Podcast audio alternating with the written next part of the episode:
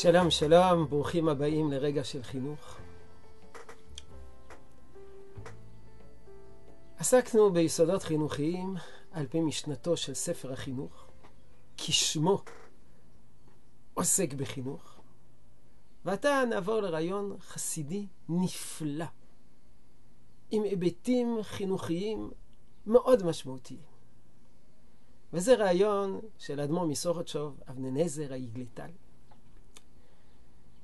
בדרך כלל בברכות יש לנו כלל שומע כעונה. גם אם אתה לא אומר, אבל אתה שומע מישהו שאומר את הברכה, אתה יוצא ידי חובה.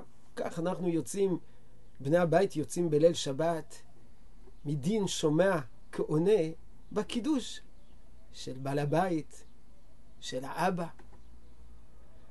אבל אמרו גדולי ישראל שהכלל הזה איננו נוהג בספירת העומר.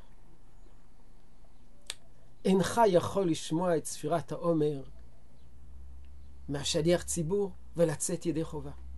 אתה צריך להגיד בעצמך את ספירת העומר.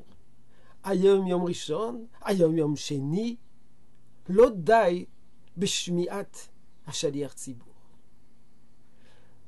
יש לזה הסברים הלכתיים, על אבני נזר נותן לזה הסבר חינוכי. ספירת העומר היא הכנה למתן תורה. הכנה למתן תורה, כל אחד ואחד יש לו את הדרך האישית שלו להגיע לתורה.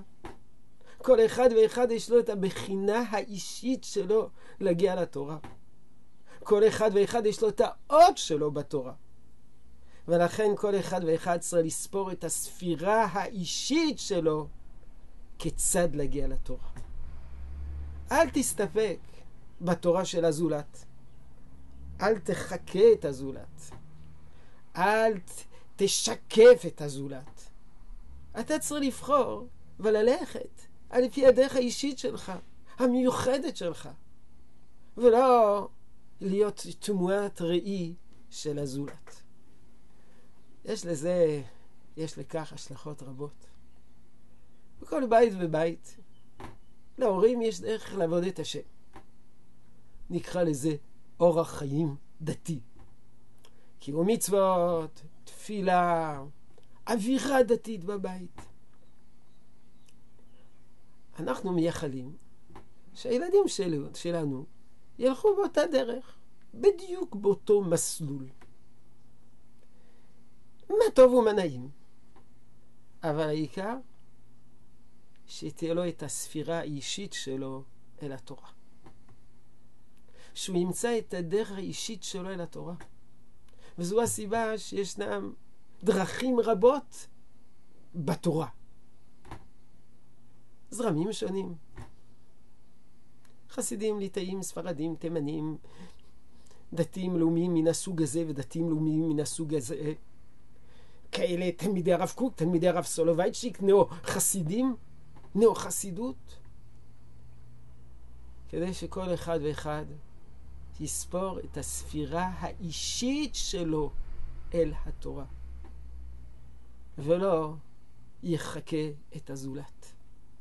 אם הוא יחכה את הזולת, זה לא יהיה הוא, זה לא ייגע בנפשו, זה ירחף, זה יהיה שטחי, זה יהיה שבלוני, זה לא יהיה אמיתי. זה לא יהיה, זה לא יופנם בנפשו, הוא לא יהיה דבק בכך.